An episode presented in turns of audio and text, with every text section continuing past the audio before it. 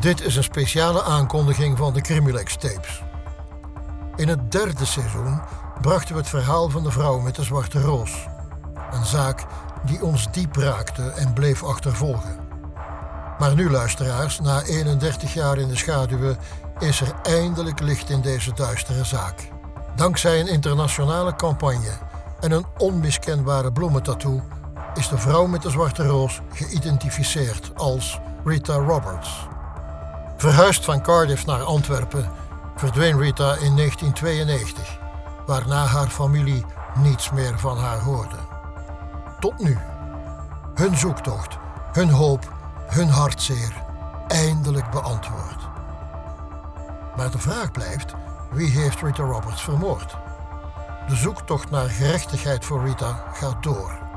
Haar verhaal en dat van vele anderen gaat ons allemaal aan. Want in een rechtvaardige maatschappij verdient iedereen antwoorden. Bedankt voor jullie steun en betrokkenheid bij onze zoektocht naar waarheid en gerechtigheid. Dit zijn de Crimilex tapes.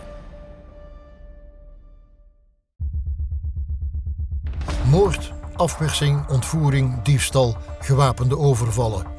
Iedereen heeft recht op een goede verdediging, ongeacht of je slachtoffer, beschuldigde of dader bent. In het derde seizoen van de Crimilex tapes brengen we het verhaal van de vrouw met de zwarte roos. Op 3 juni 1992 vond een voorbijganger in Het Schijn, een waterloop in de schaduw van het Antwerpse Sportpaleis, het lichaam van een vrouw. Wie was deze vrouw? Waarom werd ze vermoord? En wie was de dader? De politie stond voor een raadsel en de zaak bleef tot vandaag onopgelost en werd een cold case. Er worden in Nederland ongeveer 20, 30 moorden nooit opgelost. Een cold case gaat meestal over ernstige uh, misdrijven die uh, onopgelost zijn. Dus het zijn ook vaak veelal oude zaken uh, waar men eigenlijk op basis van de politieonderzoek niet tot een resultaat gekomen is. Kurt Wertelaars van Bureau van Meerbeek heeft zich op deze zaak gestort en probeert de identiteit van de vrouw te achterhalen. Want iedere cold case verdient het om onderzocht te worden.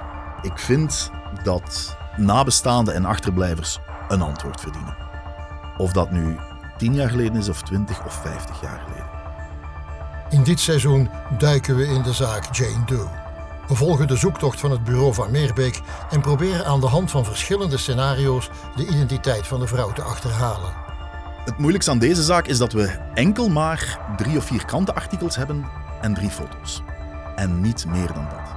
We gaan in gesprek met criminele strafrechtadvocaten en onafhankelijke experten en leren hoe zij zich door het juridische mijnenveld van een cold case navigeren.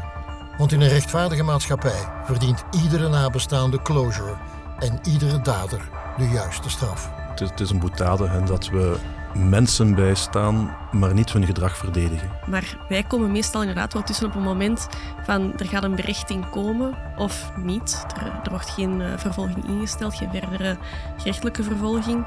Dus daar heb ik als advocaat weinig mee te maken, maar uit menselijk oogpunt. En ik ben zo ook aan mijn studies begonnen. En dan vind ik dat zelf heel frustrerend dat daar na zoveel jaren nog altijd geen antwoord op is. Dat wel. Het derde seizoen van de Crimilex tapes. Vanaf 1 september beschikbaar op crimilex.be slash podcast en op je favoriete podcastkanaal.